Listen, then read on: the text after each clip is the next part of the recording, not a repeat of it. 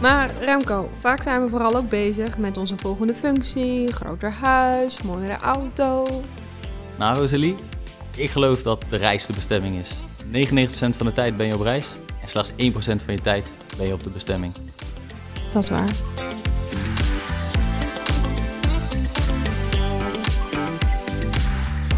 In deze serie maken we werkgeluk concreet en geven we tips om in je eigen organisatie, team en je eigen leven aan de slag te gaan met werkgeluk. Van een groot wollig thema slaan we de brug naar concrete acties. In elke aflevering nodigen we ondernemers en experts uit om hun praktijkervaringen met jou te delen.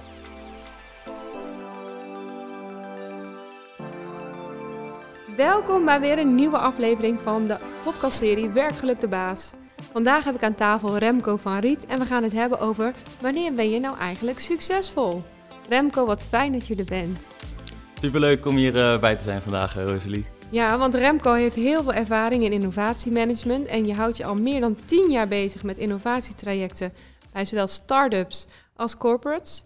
En jij zegt ook dat innovatie binnen bedrijven niks anders is dan persoonlijke innovatie, omdat het de mensen zijn die de verandering teweeg brengen. Klopt toch?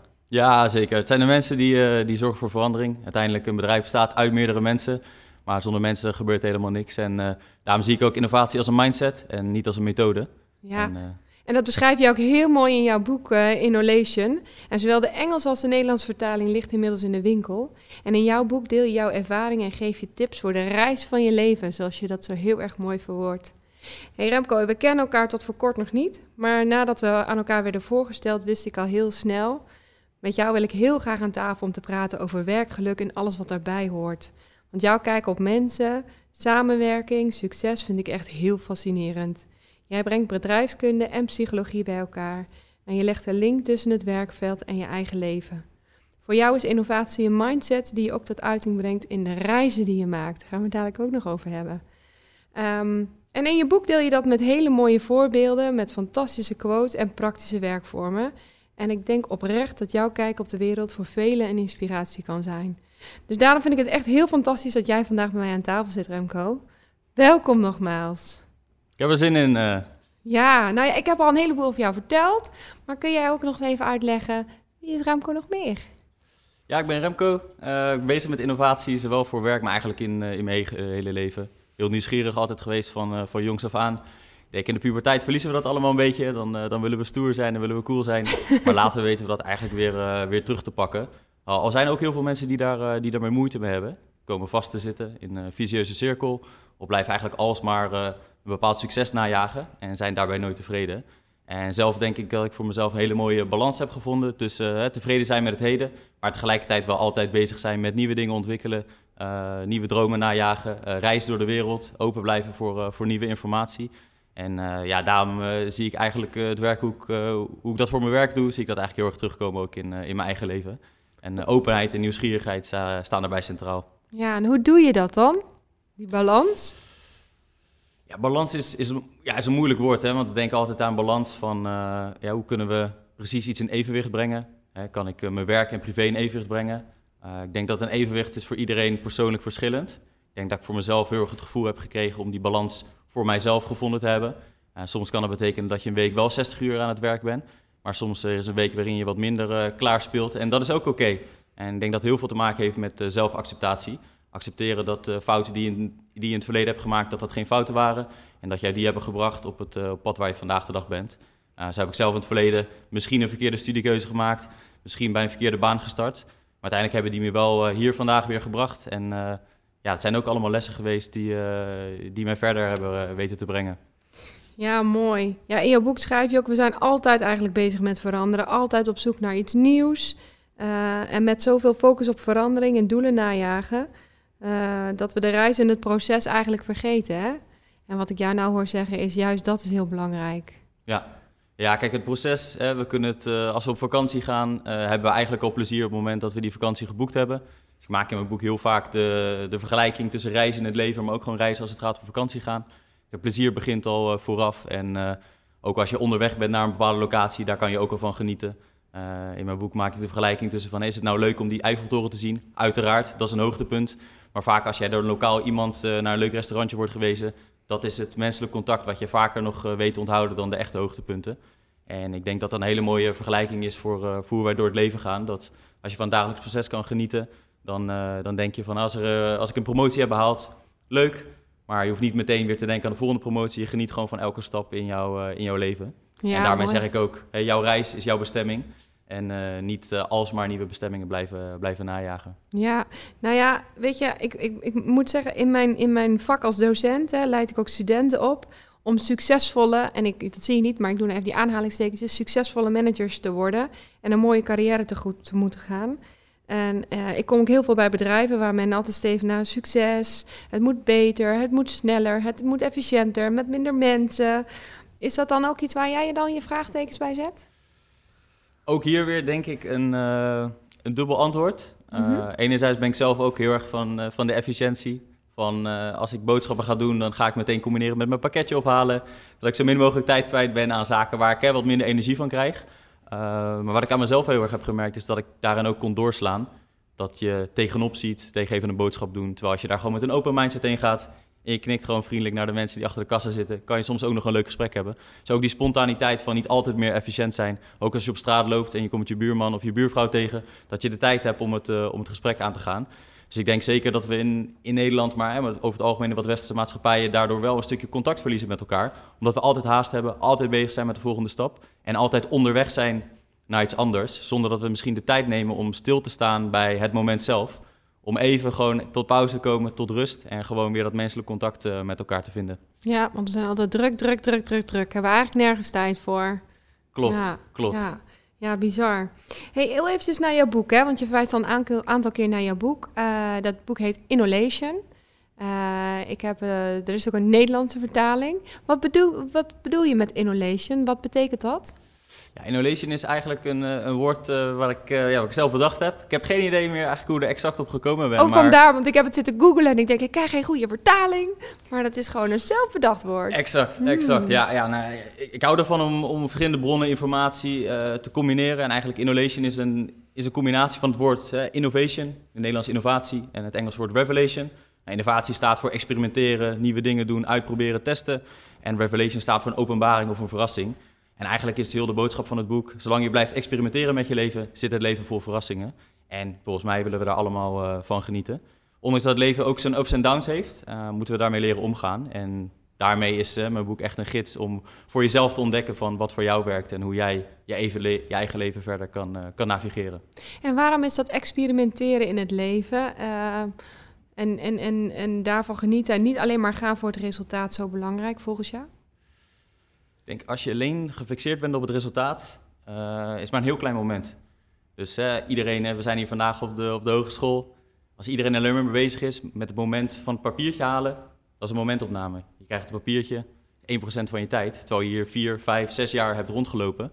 Uh, als je dan van het proces genoten hebt, is dat eigenlijk veel waardevoller. Want 99% van je tijd bereid je je voor op hè, wat wij in het leven zien als een bestemming of een promotie of een, uh, of een grote milestone. Maar het leven gaat daarna uh, direct weer door. Mhm. En als je alleen iets doet voor de externe incentives, dan uh, ja, is het maar de vraag of, jij, of je voldoende geniet of voldoende voldoening haalt uit, uh, uit wat je daadwerkelijk doet al die jaren. Wat grappig dat je dat zegt, want ik denk meteen terug dan naar mijn eigen studententijd. En ik kan me heel eerlijk gezegd mijn diploma-uitreiking niet meer herinneren. Maar al die uren in de kroeg en het stappen en het slaapfeestjes en met mijn vriendinnen samen studeren in de bibliotheek. Ja, dat zijn de momenten Dat zijn de mooie momenten die je, waar je waarschijnlijk nog steeds ook over hebt met, uh, met al je vriendinnen. En niet over die uitreiking inderdaad. Absoluut niet. Nee, dat zeg ik nog. Ik, ik, herinner me niet eens meer. Ja. ja, dat is dus ook wat je bedoelt met uh, de reis zelf is veel belangrijker dan die bestemming. Ja, ja Want dat is wat je onthoudt. Ja. ja, het zijn de kleine momenten vaak die, uh, die bij je blijven. En highlights, grote highlights zijn mooi. ik denk dat iedereen het mooi vindt als diegene trouwt of je hebt een huis gekocht. Maar eigenlijk hè, op het moment dat je terugkomt van, uh, van je huwelijksreis of uh, je hebt het huis, je woont er een jaar, uiteindelijk normaliseert alles weer. Uh, maar je kan nog wel stap voor stap je huis meer als een thuis laten voelen. En je kan samen met je partner elkaar beter blijven ontdekken. Want het is niet zo dat je eenmaal, hè, of ook als je de perfecte baan vindt, dat opeens elke werkdag leuk zal zijn. Nee, er blijven uitdagingen op je pad komen en daar, daar moeten we mee leren omgaan. maar belangrijker nog, als jij het gevoel hebt op je eigen pad te zitten, dan kan je er daadwerkelijk ook van, eh, van genieten. Ja, en toch zijn die dingen die wij definiëren als succes, hè, een goede baan, een mooi huis, goede carrière, nou, dikke auto voor de deur, eh, een goed huwelijk, dat is succes voor heel veel mensen, denk ik. Althans, dat definiëren we als Ja. succes. Wat is dat dan voor jou? Ik denk heel scherp dat je dat, eh, dat je dat aanstipt. Kijk, we hebben in de maatschappij bijna verwarren we succes met financieel succes. Ja? Eh, maar als je kijkt naar de definitie van het woord succes, met name in de, in de Engelse eh, woordenboek van Oxford Dictionary, gaan ze eigenlijk in over succes. Betekent iets bereiken wat je zelf ook wilt. En ik denk dat we heel erg eh, succes nastreven, wat misschien anderen van ons willen, wat ouders van jou willen, wat de maatschappij van jou verwacht. In plaats van dat jij nagaat wat voor jou succes is. Als jij succesvol eh, bent, als je gewoon lekker geniet van het leven, hier een beetje wat werken erbij, maar daarnaast tijd maakt om een muziekinstrument te spelen, wat van de wereld te zien. En dat zijn jouw succescriteria. Dan kan jij vandaag de dag wel succesvol zijn. Dan ligt succes niet in de toekomst. Ja, dan ben je succesvol in de ogen van jezelf, maar wellicht niet zo succesvol in de ogen van een ander. Eh, toch? Exact. Ja. Ja. En ik denk dat we ons heel erg ja, laten leiden soms door wat anderen van ons vinden. Ja, hè? Ja. Eh, ik weet niet hoe je dat zelf ervaart eh, in, in je leven of in de maatschappij. Ja, ja, absoluut ook zo. Dat ik heel graag succesvol zijn door de ogen van andere mensen. Eh, eh, kijk naar de podcast. Ik, ik, ik neem hem op eigenlijk ook voor mezelf, omdat ik het echt super interessant vind om met allemaal verschillende mensen aan tafel te zitten en te praten over werkgeluk en wat dat voor hen betekent. En hun verschillende visie op werkgeluk eh, ehm, ja, eigenlijk bij elkaar te brengen. En tegelijkertijd, als ik dan kijk, is deze podcast succesvol? dan hang ik daar vooral het oordeel van anderen aan. Terwijl die voor mij al geslaagd is. Maar wat vinden andere mensen? Ben ik ook succesvol voor andere mensen? Ja. Ja, Ja, dat, is de, dat is de dunne lijn. Nou, enerzijds wil je natuurlijk ook hè, een stukje waardering. Het is leuk natuurlijk als meer mensen hè, de, de podcast luisteren en, eh, en er wat moois eh, uit kunnen halen. Maar ik denk heel mooi wat je zegt. Hè. Ik vind hem zelf eigenlijk al succesvol op het moment dat we hem opgenomen hebben. Omdat we nu ook weer, hè, we hebben een leuk gesprek. ja. Hebben, we al eerder, eh, hebben we al eerder gehad. En ja, zo probeer ik ook altijd naar het leven te kijken van als we op het moment dat wij ons succes laten afhangen wat anderen van ons vinden, dan worden we eigenlijk een soort van slaaf van de mening van een ander. En dan gaan we alsmaar weer meer willen horen, meer complimentjes krijgen. En eigenlijk in die zin kunnen complimenten bijna net zo'n soort beloning worden als dat, eh, dat geld dat voor ons is. En Ja. dan gaan we wellicht eh, dingen doen waar we zelf niet gelukkig van worden. En dan raken we verdwaald van ons eigen pad. Toch merk ik aan mezelf dat als ik dan zeg, nou voor mij is het al geslaagd, dat ik me dan ook denk, oh wat arrogant zeg, dat ik mezelf gewoon al succesvol vind. Ja, dat knaagt dan toch een beetje of zo. Zou kunnen komen omdat ook wij, hè, we zijn ons er bewust van, maar we zijn nog steeds mens. En Ja. eh, we zijn in connectie met anderen. En ondanks hè, wat voor definities van succes er ook, eh, er ook zijn, eh, is het misschien ook iets Nederlands. We zijn in Nederland denk ik niet zo trots. We hebben niet de grote boegbeelden waarin we zeggen van, oh, die hebben het helemaal geweldig gemaakt. We zijn gewoon nuchter. En ik denk dat daar misschien een stukje in onze cultuur zit van, hey, doe maar gewoon lekker normaal, dan ben je al gek genoeg. Ja, doe me denken aan een quote die jij in je boek hebt opgenomen. Eh, van Mariam Hasna. Spreek ik dat goed uit? Mariam Hasna? Volgens mij wel. Eh, zij zegt: Vertrouwen is niet denken dat je beter bent dan iemand anders. Het is je realiseren dat je geen reden hebt om jezelf met iemand anders te vergelijken. Ja, ik vond dat dus echt zo'n mooie quote. Want ik, ik probeer ook echt te leven vanuit die gedachte. En als we het hebben over werkgeluk, zijn er namelijk. Nou ja, over hè, onderzoek naar werkgeluk of podcasten zijn zoveel anderen die misschien veel succesvoller zijn. Eh, of beter zijn dan ik, of misschien nog wel meer weten dan ik. Eh, door hè, die, die in theaters eh, of, of, of, of zelfs op televisie komen. En soms ben ik dan, denk ik dan, ja, maar wie ben ik nou helemaal? Weet je wel, wat, wat heb ik nou de wereld te bieden? En wat weet ik nou? Ehm, Hoe ben je daar mee omgegaan nu? Want je hebt best wel veel afleveringen gedaan. Eerste seizoen nu bijna. Misschien Ja. een tweede seizoen. ja, nou ja, voor mij was dat dus wel echt heel lange reden om eigenlijk maar niet op de voorgrond te treden. Om eigenlijk vooral met onderzoek ehm, ja, bij mezelf te houden en daar niet mee op de bühne te gaan. Ehm, en dat, ja, dat hield me echt tegen. En, en, en ik doe het eigenlijk nog steeds. Want eh, ik interview dus in mijn podcast heel graag andere mensen. En laatst zei iemand tegen mij... Maar nou zit je allemaal andere mensen te bevragen... maar je weet toch zelf ook heel veel over werkgeluk? Waarom vertel je niet wat jij weet over werkgeluk? En toen dacht ik, oh ja, misschien moet ik daar ook een aflevering over opnemen. Maar dat vind ik heel spannend. Ja, ja. Dus ehm, ja, nou ja, goed. aan de andere kant, juist doordat er zoveel mensen zoals jij en ik en we onze krachten kunnen bundelen, elk op onze eigen manier, kunnen we andere mensen weer inspireren, denk ik dan maar. En eh, het gaat natuurlijk helemaal niet om wie de succesvoller of beter bent, want iedereen doet het gewoon op zijn eigen manier. En dat weet ik ook wel, maar dat voelt altijd, ja, soms wel anders. Ja, ja het is denk ik levenslang eh, waar we daarmee proberen om te gaan. Hè. Kijk, je weet soms dingen, maar soms voelt het, eh, voelt het net wat anders.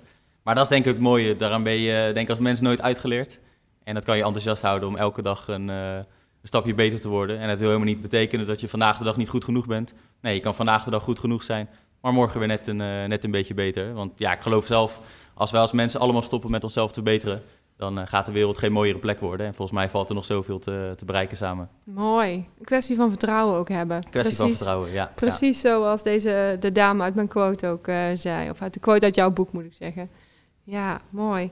Maar als we het dan toch over vertrouwen hebben, hè? want wat ik ook merk in het bedrijfsleven, ik kan heel erg op mezelf vertrouwen en denken dat ik het allemaal kan, maar ik moet ook vertrouwen krijgen van mijn leidinggevende om, om dingen te mogen gaan doen, om eh, ideeën uit te werken. En ik hoor ook heel vaak van mensen in het bedrijfsleven van ja, maar ik heb heel veel ideeën en ik wil ook heel graag vertellen hoe het allemaal anders kan, beter kan, of ik zou dit willen doen of dat willen doen, maar ik krijg geen ruimte van mijn leidinggevende. Ehm, want ja, er moet wel gewerkt worden, hè? Dat, eh, Er moet geld verdiend worden, Ja. hoe, eh, of we het nou graag willen of niet. Ja. Ja. Wat hebben ze- werkgeluk en, en, eh, en, en, nou ja, en, en succes en, en dat vertrouwen met elkaar gemeen volgens jou? Hoe kijk jij daar tegenaan? Ik denk, eh, we hebben het over verschillende ja, soorten motivatie zijn er. Eh, ik heb zelf ooit uh, afstudeerscriptie onderzoek gedaan naar intrinsieke motivatie. Mhm. En wat dat doet met de creativiteit van een medewerker. Mhm. En wat je daarin ziet is ja, hoe sterker de motivatie vanuit het individu komt. De autonomie die hij ook krijgt om zelf eigen ideeën aan te dragen, te ontwikkelen. Zorgen gewoon voor heel veel creativiteit en heel veel ook eh, voor resultaat. Mhm. En ik denk, hè, zeker tegenwoordig, waarin mensen meer dan ooit thuis werken, kan het voor sommige leidinggevende managers lastig zijn om nou in te schatten. Hè. Zit diegene nou thuis zijn wasjes te draaien, eh, Netflix te kijken of eh, wordt er ook daadwerkelijk gewerkt? Uh, maar ik denk, ja, de kwestie van vertrouwen zit hem zowel in hè, de medewerker, in zijn leidinggevende, maar zeker ook vice versa. En niet die controle. Uh, hè, er zijn daarin verschillende leiderschapstijlen. Je hebt, uh, de ene leiderschapstijl gaat heel erg uit van controle en de andere laat heel erg van, ja, maar hè, mijn team gaat mij vertellen wat, uh, wat de beste richting is die we kunnen pakken. Um, dus eigenlijk voor iedereen die denkt van, hey, ik heb het al jarenlang geprobeerd. Je kan ook altijd bij een ander bedrijf kijken of je daar wel je talent kan ontplooien. dus je nodigt eigenlijk uit om buiten de deur te kijken. Ja, kijk, niet zozeer, maar eh, wat ik persoonlijk jammer vind. Ik heb zelf ook vastgezeten in de Visieuse Cirkel. Mm -hmm. waar ik maandagochtend om 11 uur s ochtends al op de klok keek en ik dacht... Wanneer begint het weekend? Oh. Of wanneer kan ik eindelijk naar huis? Of wanneer is klokslag 5 uur dat ik, dat ik weg kan? Dat zijn geen, geen prettige momenten in je leven. Je hebt het gevoel dat je vaststaat. Je weet niet zo goed hoe je eruit moet komen. Je hebt wel ideeën, maar je krijgt niet de ruimte om, om die te uiten. juist op het moment, denk ik, als, dat je de meeste verandering nodig hebt, is het lastigst om dat eigenlijk aan te pakken. Um, en als je die ruimte juist wel krijgt, dan ben je energiek. Hè? Dan kom je misschien uit je werk en dan heb je nog meer energie om s'avonds wat leuks te, leuks te ondernemen. Dus ik denk hè, met name het vertrouwen in jezelf hebben en daarmee keuzes maken die voor jou uiteindelijk beter uitpakken. Uh, die kunnen ervoor zorgen dat jouw werk uh, werkgeluk kan vinden en dat werk jouw energie geeft in plaats dat je energie kost. Ja, en dat triggert me wel wat je zegt, want hè, de, mijn leidinggevende gaf me geen ruimte, zeg je. Um, en daardoor ik liep ook helemaal vast en dan moet ik zelf andere keuzes maken. Volgens mij is dat ook altijd wel de balans tussen je bent verantwoordelijk voor je eigen werkgeluk. En ik weet inmiddels dat je leidinggevende heel veel invloed heeft op hoe jij dat werkgeluk ervaart. Hè? Of je je talenten kan ontplooien, hoe autonoom je kan werken, hoeveel vrijheid of autonomie je krijgt ook. Um, maar je blijft wel altijd ook zelf verantwoordelijk voor je eigen werkgeluk. Ja, exact. Ja. En ik denk in die zin ook, hè, kijk, uh, als ik het op mijn eigen situatie betrek, hè, ik kan alles op de leidinggevende afschuiven. Ik denk in die jaren was ik ook gewoon jong, druistig, assertief. Misschien iets te, iets te assertief in de zin van, hey, weet je, kom ook pas net kijken. Uh, zelf denk ik niet dat leeftijd echt een rol hoeft te spelen in uh, of iemand kwaliteit kan leveren of niet. Maar dat is ook een perceptie die aan het veranderen is in de maatschappij. Hè? Dat, uh, ik was van de week op middelbare school. Ik heb kids van 18 gesproken, dat is eigenlijk jong volwassenen al. Hebben mij ook weer weten te inspireren. Doet niks aan, af aan de, aan de leeftijd. Nee. Dus hij probeert inderdaad ook altijd op jezelf te betrekken. En ook openlijk te bekijken vanuit de positie van een ander. Van hey, wat wil diegene bereiken? En hoe kan je daar samen elkaar versterken en, en verder brengen? Of het nou in je werk is of in je, in je persoonlijke leven. Wij hebben een bepaalde definitie wat voor succes is en uh, geluk en werkgeluk. Um, maar meestal stellen we ons ook niet de vraag of we, wat we zouden geloven als we in een ander land geboren waren. Hè? Maar we waren met andere ouders of nou ja, stel dat we niet in de omstandigheden leven zoals we nu leven. dat schrijf je ook in je boek. Hè? We geloven altijd dat onze eigen, ja, eigen perceptie, beginnen van de stotteren, we geloven dat onze eigen perceptie de juiste is. Uh, maar bekijk het ook wel eens vanuit een ander perspectief. En dat zet hem heel erg aan het denken. Want in de westerse literatuur wordt werkgeluk omschreven als het ervaren van positieve emoties op het werk. Het gaat dan om plezier hebben in je werk, met fijne collega's en voldoening voelen, en groeien, benutten van talent. Nou, ik zei het al, autonomie is belangrijk. Um, maar denk je dat werkgeluk of geluk voor mensen in andere culturen een andere lading heeft? Kijk, enerzijds zijn er natuurlijk wel degelijk culturele verschillen, waarin hè, bepaalde aspecten zorgen voor een ander, ander soort geluk. Ik denk dat heel veel mensen geluk halen uit zichzelf kunnen ontplooien. Uh, wereldwijd vragen mensen zich af waardoor ben ik gemotiveerd. Maar ik denk belangrijker nog, zeker voor, uh, voor ons als Nederlanders, is ook uh, tevreden zijn met wat we hebben. Als we kijken naar de wereld, we behoren gewoon tot de top 5 of de top 1% van de wereld. Mhm. en wat dat betreft zijn er gewoon mensen die hebben niet eens de luxe om na te denken over wat ze leuk vinden. Ze kennen het concept weekend niet eens, want er wordt gewoon zeven dagen per week, 12 uur lang of meer gewerkt. En wat dat betreft, ja, probeer ik. het is soms lastig, want uiteindelijk, hè, je raakt ook gewend aan je eigen leven. Het is ook moeilijk om ja, de grenzen te trekken. Nou ja, omdat andere mensen het in een ander deel van de wereld slecht hebben, moet ik me maar goed voelen, want ik heb het beter. Ja, zo werkt ons, uh, zo werkt ons brein uh, helaas niet. Maar ik denk een stukje dankbaarheid, door toch proberen elke dag even stil te staan bij het feit uh, wat wel allemaal goed gaat. Ik denk dat dat een hele belangrijk is voor je werkgeluk en over geluk in het algemeen. Ja, want je hebt echt ontzettend veel gereisd. Hè? Je hebt volgens mij meer dan 75 landen bezocht inmiddels. Hè? Um, dus jij hebt ook al heel veel van de wereld gezien en andere culturen gezien. Kun je ook zeggen welk, welke ervaring of welke cultuur is het meest bijgebleven als het gaat over succesvol of, of, of gelukkig zijn? Vind ik een hele, hele lastig om op in te gaan. Maar misschien een leuk verhaal om te vertellen. Uh, ik was van de zomer was ik in Kenia. Uh, raakte in gesprek met uh, een van de gidsen waarmee we de berg in Mount Kenia gingen beklimmen. Is het op één hoogste berg van Afrika. Ja, super mooie ervaring. En was een jonge jongen van 20. Uh, woont in een klein dorp in Afrika, maar studeerde wel. Want wat wilde hij worden? Developer. Oh? Hij zag de producten van Google, hij zag de producten van, uh, van Apple en dacht, daar wil ik aan bijdragen. En wat sprak hij, waar sprak hij over? Intrinsieke motivatie. Hij kende de term niet, hij beschreef het als hoe het was. En dat was voor mij ook een, uh, een openbaring dat ik denk van, hé, hey, weet je, waar ter wereld je ook komt, uh, we willen allemaal gewoon doen waar we, waar we energie van krijgen. En bij hem was dat ook overduidelijk te zien. Hij was bezig met een stap hè, om eerst in de toerisme-sector te werken. Maar tegelijkertijd werkte hij aan zijn diploma en aan zijn droom om, om dat pad te ontdekken.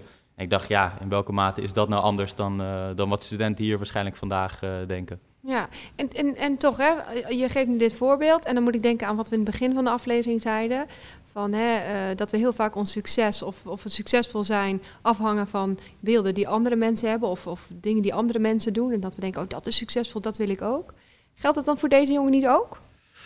Gedeeltelijk, uh, gedeeltelijk zou dat best kunnen. Hè? Want uh, ja, als we nou uiteindelijk ons afvragen van waarom zijn we gelukkig. Vaak heeft het toch meer te doen met elkaar kennen, vriendschappen, liefde voor, voor naasten. zit hem ja, voor mij persoonlijk minder in het materiële. Mhm. En ja, wat je natuurlijk wel ziet in, in veel landen en economieën die super snel aan het groeien zijn. Hè. Ik denk als we bijvoorbeeld naar China kijken, afgelopen 30 jaar van een arm land. Ja, je heeft gewoon zulke stappen doormaakt dat mensen daar ook heel veel geld te besteden hebben. Of in India of ook verschillende landen in Afrika. Mm -hmm. uh, dat wellicht ook daar mensen erachter gaan komen van... Oh, maar het gaat niet altijd om meer consumeren. want ze hebben daar juist een hele sterke familiecultuur. Mm -hmm. om dat stuk juist te behouden. En ik denk dat we daar hier in Nederland soms weer een beetje naar op zoek zijn van... Hey, hoe kunnen we ja, weer wat meer samenkomen in plaats van alsmaar individualistisch voor onszelf te kiezen. Toch weer die balans, hè? Toch weer die balans. Ja, alles uiteindelijk gaat in een balans waarbij denk ieder zijn eigen balans weer, weer te vinden heeft. Ja. Ja, ben ik ook wel benieuwd naar jouw opinie hierover. Want er is de laatste tijd een uh, discussie gaande of we mensen moeten stimuleren om meer uren te gaan werken. Hè, om de druk op de economie, economie te verlichten dat lijkt een beetje haaks te staan over het principe dat minder werken juist zorgt voor meer balans, meer verlichting. Hoe denk jij daarover? Voor, uh, voor al mijn collega's die, die meeluisteren, ja, dat kan gewoon open kaart spelen. uh, kijk, tijdens de pandemie heb ik in ieder geval zelf gemerkt, iedereen ging calls plannen. kon 40 uur per week lang in meetings zitten. En daarna begon het echte werk. Hmm. Uiteindelijk ben ik gewoon begonnen met het blokkeren van mijn eigen agenda. En eh, met minder uren eh, heb ik het gevoel dat ik zelfs meer gedaan krijg. En ik denk dat dat soms een perceptie is van... Hè, we elkaar, houden elkaar ook bezig. We zijn ook graag druk. We zeggen dat we druk zijn, maar we zijn ook graag druk. Dat de oplossing niet altijd hoeft te zijn in, uh, in meer werken.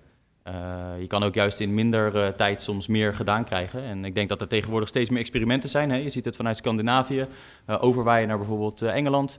waarbij steeds meer bedrijven gaan experimenteren met een vierdaagse werkweek... zonder daarbij minder betaald te krijgen. Mm -hmm. Want ik geloof zeker dat mensen toch vanuit het financiële prikkel denken van... Hey, ik moet zoveel blijven verdienen, ik heb nou eenmaal mijn hypotheek te betalen. En het is ook wel moeilijk om, om een stap terug te doen. Kan ook een uitkomst zijn, maar ik, ik geloof zelf door extra tijd te hebben... dat er heel veel moois ontwikkeld kan worden. En voor mezelf is dat bijvoorbeeld mijn eigen boek geweest. Hè. Ik werkte niet meer op de vrijdagen. En toen ben ik op het idee gekomen om een, uh, mijn boek gaan, uh, gaan uit te werken. Dus ook denk ik een mooi voorbeeld wat zo'n uh, zo'n extra dagje kan bieden. Ja, ik hoor het ook terug in veel leiderschapstraining hoor. Dat ze ook echt, als je leidinggevende bent, adviseren. Neem die tijd voor jezelf. Stap uit dat proces. Ga gewoon even wat anders doen. Ga helemaal even naar een andere omgeving. Of als dat niet kan, ga gewoon even lekker wandelen of eruit. Zorg dat je even niet bereikbaar bent, want dan gaan dingen weer scherp worden en dan gaan kwartjes vallen. Um, hoe merk je dat voor jezelf? Want je doet zelf nu ook een eigen podcastshow naast al je andere werk. Hoe, hoe, ja. hoe vind jij dat om die meerdere jobs te hebben, maar niet altijd meer uren toe te draaien? Ja, het grappige is dat ik dus echt heel veel verschillende dingen doe in mijn werk. Maar juist door die afwisseling heel erg productief kan zijn. En uh, ik heb ook nodig om, uh, want ik, ik, ik doe heel veel, graag heel veel verschillende dingen, maar ik heb het ook nodig om af en toe even stil te staan. Ik heb dat zelf ook echt nodig. Dus ik heb ook ervaren hoe fijn het is om af en toe even stil te kunnen staan. En even af te schakelen, mijn telefoon, mijn mail even uit te zetten.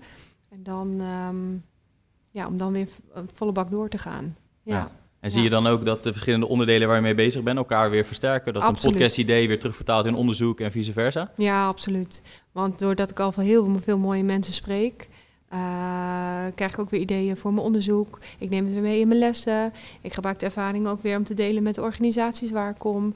Uh, daar haal ik weer informatie op die ik weer gebruik hier in mijn podcast en mijn lessen. Nou, en zo. Dus het versterkt elkaar enorm. Ook al lijkt het allemaal heel versnipperd en, ver en gekke taken die in eerste instantie niet bij elkaar zou, zou rijmen, zeg maar. Juist daardoor versterkt het elkaar. Ja. Maar goed, dat werkt voor mij. Hè. Dat hoeft natuurlijk niet voor iedereen zo te werken. Maar voor mij werkt dat heel goed. Ja. ja. maar ook dat af en toe stilstaan. Juist ook even af en toe even uitstappen. Ja, ja. Vanmiddag uh, nou hebben we een aantal podcastafleveringen opgenomen. En dan ga ik ook echt even, even eruit. Even, even niks rust. doen. Even rusten. Hoe, hoe pak jij dan, uh, dan je rust? Wat is voor jou jouw rustmoment? Ja. Um, ja, dat is een hele goeie. Want ik zit even aan vanmiddag te denken.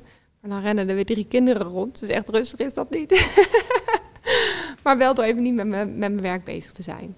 Dus even gewoon met mijn kindjes bezig te zijn. Maar ik ga ook graag sporten. Ik sport ook heel veel, vier keer in de week. En dat heb ik echt nodig om even af te schakelen. Ja, ja. dat is voor mij even het moment dat mijn hoofd uit moet. Want dan kan ik alleen maar luisteren naar wat er gezegd wordt. Ik doe dan van die klasjes met muziek en dan gaan we dansen, steppen, bodypumpen. En dan, uh, ja, dan kan ik ook echt niet anders nadenken, want dan ga ik compleet uit de maat. Dus dan, uh, dan moet mijn hoofd ook echt uit. Dus dat is heel fijn. Vier keer in de week gaat dat echt even uit. Dat is voor mij mijn uh, ultieme rustmoment. Hoewel oh. ik vanmiddag ook enorm ga genieten met mijn kinderen hoor. Maar echt rustig is dat niet. Nee, geef het toe. Ja. ja, grappig om te horen. Kijk, zelf kijk ik ook precies zo naar sporten. Maar ik denk dat veel mensen denken van... hè, vier keer per week sporten, dat kost toch hartstikke veel energie. Maar als ik jou zo hoor en als ik ook naar mezelf kijk... geeft sporten je vaak ook energie. Misschien denk je vooraf van... Ja, ik heb er niet zoveel zin in. Maar na afloop geeft het je eigenlijk weer een geweldig gevoel. Uh, is dat ook hoe jij het ervaart? Ja hoor, want inderdaad, als ik zeg ik sport hoe dan? Hoe doe je dat? Je werkt uh, fulltime, je hebt drie kinderen en dan ga je ook nog sporten. Ben je ooit thuis, weet je? Uh, ja, dat werkt voor mij juist goed. Ja, ik, uh, ik, ik heb dat echt nodig. Ja, voor mij kost dat geen energie. En ja, ook ik denk wel eens na een lange werkdag, oh, maar ik weet hoeveel het me oplevert. Ja, ja. ja. Dus met z'n allen naar de sportschool nu. ja, maar dat is ook weer hè, de keuze. Iedereen voor zichzelf heeft niet alleen succes van de sportschool, maar iedereen heeft zijn eigen vorm, uh, vorm van bewegen en, en eigen ritmiek. Maar uh, wat je daarin zegt, hè, soms voelt iets niet goed vooraf, maar na afloop wel. En ik denk dat is een hele belangrijke voor ons allemaal. Hè, vooraf uh, kan je er tegenop zien, maar na afloop voel je je vaak ook gewoon beter. Hè. Het zijn niet altijd dingen die je op dat moment zelf goed voelen, die, die het beste voor je zijn. Nee, dat is waar. Dat is waar. Um, Heel even, uh, nog even een stapje maken. Hè? Want in een van de eerdere afleveringen heb ik uh, Dane Baudet gesproken. En zij heeft een boek geschreven over schaamteloos nieuwsgierig. maar jij hebt het ook over nieuwsgierigheid als bron voor meer werkgeluk. En jij schrijft dat nieuwsgierigheid de drijvende kracht is achter alles wat je doet. Kun je dat ook even uitleggen? Ja, kijk, nieuwsgierigheid verschillende vormen. Hè. Ben je nieuwsgierig naar uh, nieuwe muziek die uitkomt, of juist nieuwsgierig naar muziek die in de jaren 60 gemaakt is. Uh, voor jezelf kan nieuwsgierig zijn uh, verschillende boeken lezen of informatie tot je nemen en dat allemaal weer samenbrengen. Voor mij is nieuwsgierigheid heel moeilijk vast te leggen. Ik kan geïnspireerd worden door, door artiesten om een boek te lezen. Dan denk je van, hé, hey, een artiest die jou inspireert om een boek te lezen, dat is gek. Maar het kan allemaal wel. Als je open staat en al die verbanden ziet en uh, alles samenbrengt. Ik denk, uh, zelf ben ik geïnspireerd door, uh, door geschiedenisboeken, filosofie, psychologie. Ik lees eigenlijk meer over dan businessboeken. Moet ik misschien niet zeggen, maar het is wel, wel de waarheid. En die nieuwsgierigheid zorgt mij ervoor om alles, te, ja, alles bij elkaar te brengen en alles te combineren.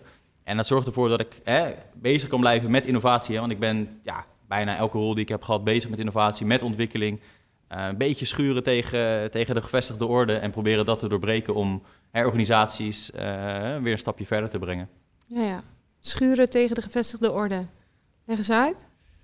Ik denk dat toch veel mensen uiteindelijk in een stramien belanden van uh, we doen het zo omdat we het eenmaal zo gedaan hebben. En ja, wellicht een, een, leuk verhaal van een filmpje wat ik laatst zag. was een familie met Thanksgiving, stopte die een kalkoen in de oven, maar ze sneden hem altijd door de helft. En nou ja, uiteindelijk, die vrouw wist geen idee waarom ze dat deed. Maar zei, ja, mijn moeder deed altijd zo. Dus ja, iedereen ging aan die moeder vragen, waarom deed je dat altijd zo? Snij die kalkoen door de helft. Ja, geen idee. Mijn moeder deed het altijd zo. Uiteindelijk raakte ze gesprek in die oma. En die oma zegt, ja, vroeger hadden we een hele kleine oven, dus die kalkoen paste niet. en dat is denk ik een heel mooi voorbeeld dat we soms ook zaken blijven doen, ondanks dat we eigenlijk niet meer weten waarom ze doen. En ik denk dat je zowel voor jezelf moet blijven reflecteren van, hè, is dit nog het juiste weg of het beste pad wat we kunnen nemen? En zeker voor organisaties die ook zijn ingericht op hè, minder risico nemen, uh, maar uiteindelijk als je het risico zelf niet neemt, is een ander bedrijf wat dat wel gaat doen. En dat ja, kan je op termijn de, de kop gaan kosten. Ja, mooi. Hey, we sluiten vrijwel elke podcastaflevering uh, af met een tip. Wat is de tip die jij de luisteraar nog mee wil geven vandaag? Ik zou toch zeggen van uh, kies, vooral, kies vooral je eigen pad. En heb het zelfvertrouwen om, om voor jezelf te kiezen. En niet voor jezelf te kiezen in egoïstische zin. Maar ik heb het gevoel, als jij op jouw eigen pad zit, dan kan je eigenlijk veel beter voor anderen zijn. Want als je verdwaald raakt in iets alles maar voor, uh, voor anderen doen, uh, ja, dan geef je niet het beste aan jezelf. En daarmee echt zie het als een proces. Hè. Je hoeft niet vandaag de dag perfect te zijn. Je bent al perfect genoeg. En morgen misschien weer net een stapje beter. Mooi, dankjewel. Dankjewel voor dit mooie gesprek, Remco. Ehm, we hebben aan het einde van de, van de aflevering altijd een boekentip. Nou mag jouw eigen boek Innovation natuurlijk niet ontbreken. Dus, uh, in het Engels, maar ook in het Nederlands verkrijgbaar voor de mensen die graag in het Nederlands lezen, zoals ik. Heb jij nog een ander boek die jou heel erg heeft geïnspireerd? Eigenlijk, ja, in mijn boek heb ik zelfs uh, eh, 25 boeken genoemd die, die mij geïnspireerd hebben. Dus, voor je alle... mag er eentje kiezen hoor. Ja, exact. Er moeten er niet te veel worden. Ik denk degene die mij het meest geïnspireerd heeft onlangs ik ben zelf uh, ook fan van het boek Atomic Habits. Het gaat over van hoe ga je uh, om met je gewoonte te veranderen. Uh, hoe kan je juist die vicieuze cirkels doorbreken. Dat vind ik een heel, heel praktisch boek. waarbij je uiteraard ook door kan slaan. Je mag ook best eens een keertje iets overslaan als je denkt, ik heb er geen zin in. Maar ja, bezig blijven met verandering is iets wat ik persoonlijk geweldig vind. En dat boek legt dat echt op een geweldige manier uit door, door James Clear. Mm -mm. Mooi, dankjewel. Remco, nogmaals dankjewel dat je hier uh, wilde zijn vandaag en dat je ons wilde inspireren. Uh, als mensen nog meer van jou willen weten naast jouw boek, hoe kunnen ze jou vinden? Uh, ik heb een website, innovationguide.com, met een streepje tussen innovation en guide. Uh, ja, het volgen op LinkedIn. Probeer elke twee weken leuke post te doen om mensen te inspireren.